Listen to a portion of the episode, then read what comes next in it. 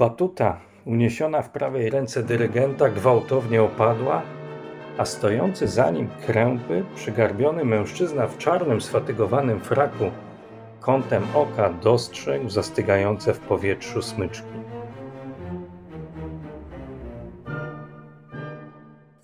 Nie miał odwagi przesunąć wzroku po całej orkiestrze i towarzyszącym jej chórze. Stał w tej samej pozycji od blisko pięciu kwadransów, trawiony smutkiem i zgorzknieniem. Ludwik von Beethoven czuł, że duma z ukończonego dzieła nie pokona trawiącego go poczucia krzywdy na los, który dwadzieścia lat wcześniej pozbawił go słuchu, a teraz uniemożliwił prowadzenie orkiestry.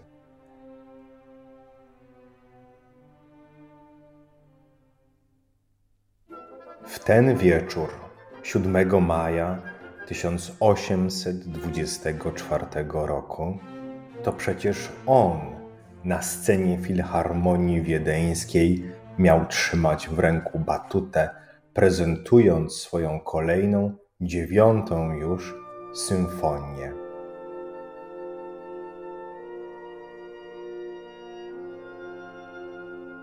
Ale jak prowadzić orkiestrę i chór, gdy każdy dźwięk odbijał się od głuchych uszu mistrza? Jedyne dźwięki, które od lat słyszał Beethoven, to te, które tworzył jego genialny umysł.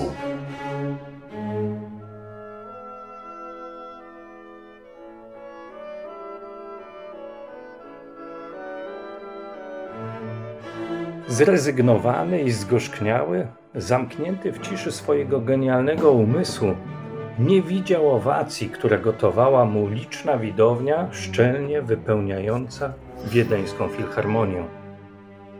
Niepewność Beethovena dostrzegła jedynie Karolinę Unger. Ta bliska sercu Ludwiga śpiewaczka operowa dyskretnie opuściła chór i delikatnie ujęła ramię kompozytora, kierując jego wzrok ku widowni. Beethoven dostrzegł wreszcie wiwatującą publiczność i uczucie spełnienia na tę jedną, jedyną chwilę wypełniło jego serce.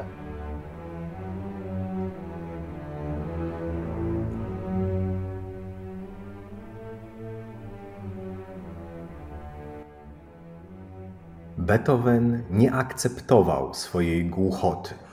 Już w 1814 roku próbował walczyć z niedosłuchem, nakładając na głowę hełm, który miał umożliwić odczuwanie drgań wywołanych przez fale dźwiękowe.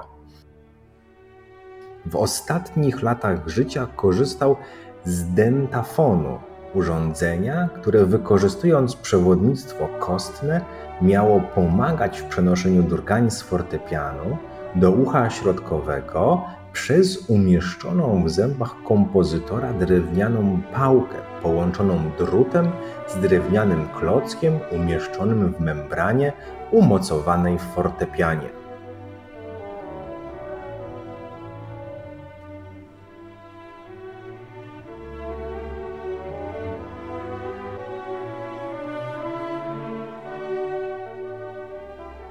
Dziewiąta symfonia d-moll op. 125 była ostatnią ukończoną symfonią Beethovena, a zarazem pierwszą w historii symfonią z udziałem ludzkiego głosu.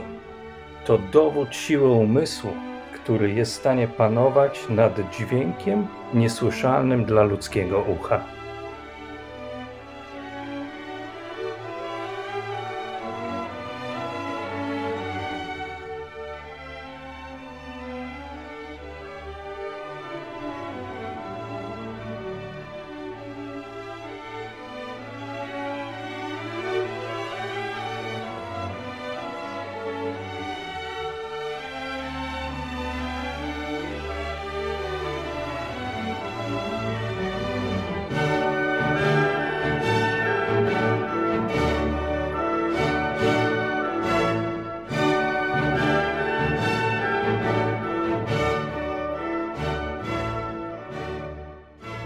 Dwa lata po premierze dziewiątej symfonii Beethovena Wody jeziora Genewskiego rytmicznie uderzały o burtę łodzi.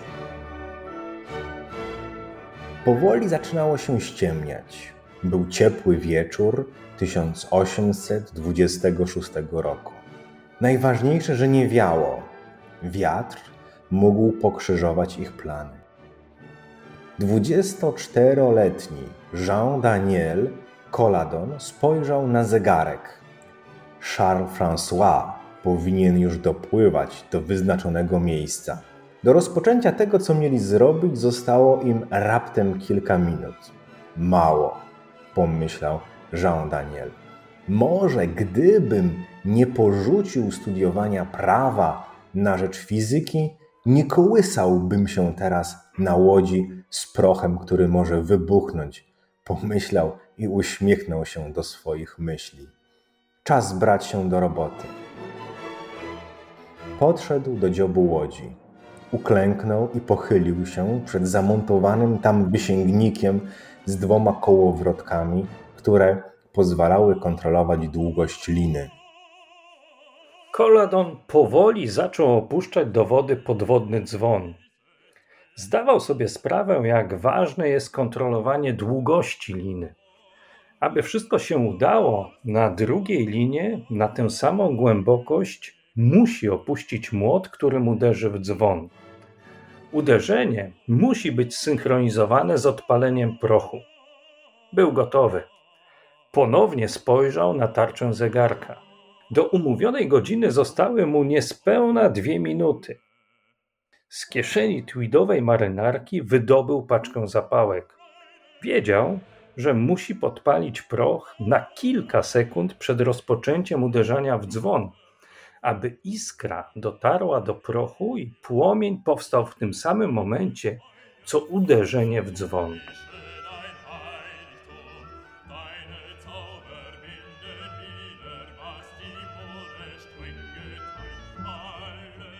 Chwilę wcześniej, 10 mil od miejsca, w którym znajdował się Coladon, Charles François Sturm, siedząc w swojej łodzi, wpatrywał się w spokojną taflę jeziora Genewskiego. Pochylił się lekko na lewą burtę. Właśnie skończył przywiązywać do niej hydrofon. Pozycja, w której się znajdował, była bardzo niewygodna. Na szczęście wszystko powinno potrwać tylko kilka minut, pomyślał. Gdyby nie ciężki ołowiany kloc, który przywiązał do zanurzonego w wodzie końca hydrofonu, wszystko byłoby łatwiejsze, ale wtedy hydrofon nie mógłby znajdować się w pozycji pionowej. Sprawdził jeszcze raz mocowanie hydrofonu do burty łodzi. Było stabilne.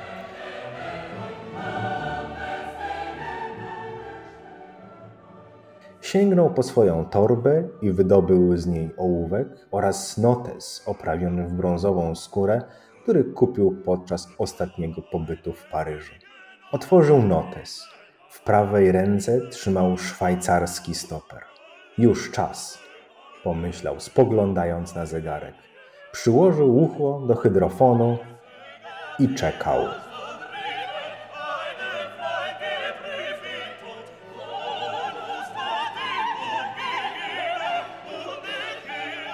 Najpierw dostrzegł błysk. Chwilę później w hydrofonie usłyszał podwodny dzwon.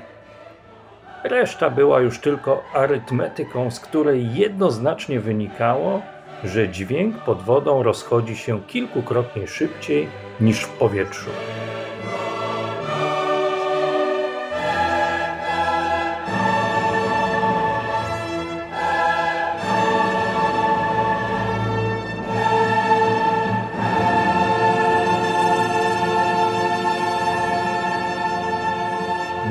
Niespełna 30 lat później, gdzieś na rzece Nil. W spojrzeniu żony dostrzegł cień dezaprobaty. Nie dziwiło go to, wszak to był ich miesiąc miodowy. Rejs statkiem po Nilu, który był ich podróżą poślubną, dłużył mu się niemiłosiernie. Niezręcznie było mu przyznać to przed żoną. Tęsknił za dżdżystym Cambridge. W gorący wieczór 1871 roku Lord Raylight opadł ciężko na wiktoriańskie krzesło i przysunął się do biurka znajdującego się w jego kajucie. Ponownie zaczął przeglądać i nanosić poprawki w swoich notatkach. Czas najwyższy uporządkować wyniki swoich doświadczeń. Zbliża się czas, kiedy wreszcie będzie mógł podzielić się ze światem swoimi spostrzeżeniami o właściwościach dźwięku. Jakby tak udało mu się wydać to, o czym tak marzy książkę, dzieło swojego życia, teorię dźwięku.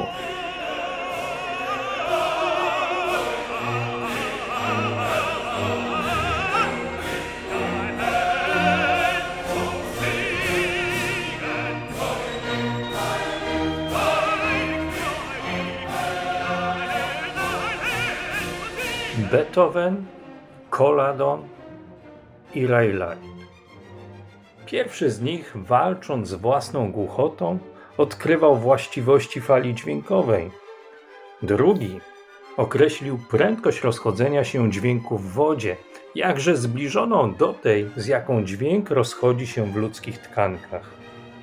A trzeci uporządkował to wszystko, umożliwiając swoim następcom dalszy rozwój ultrasonografii.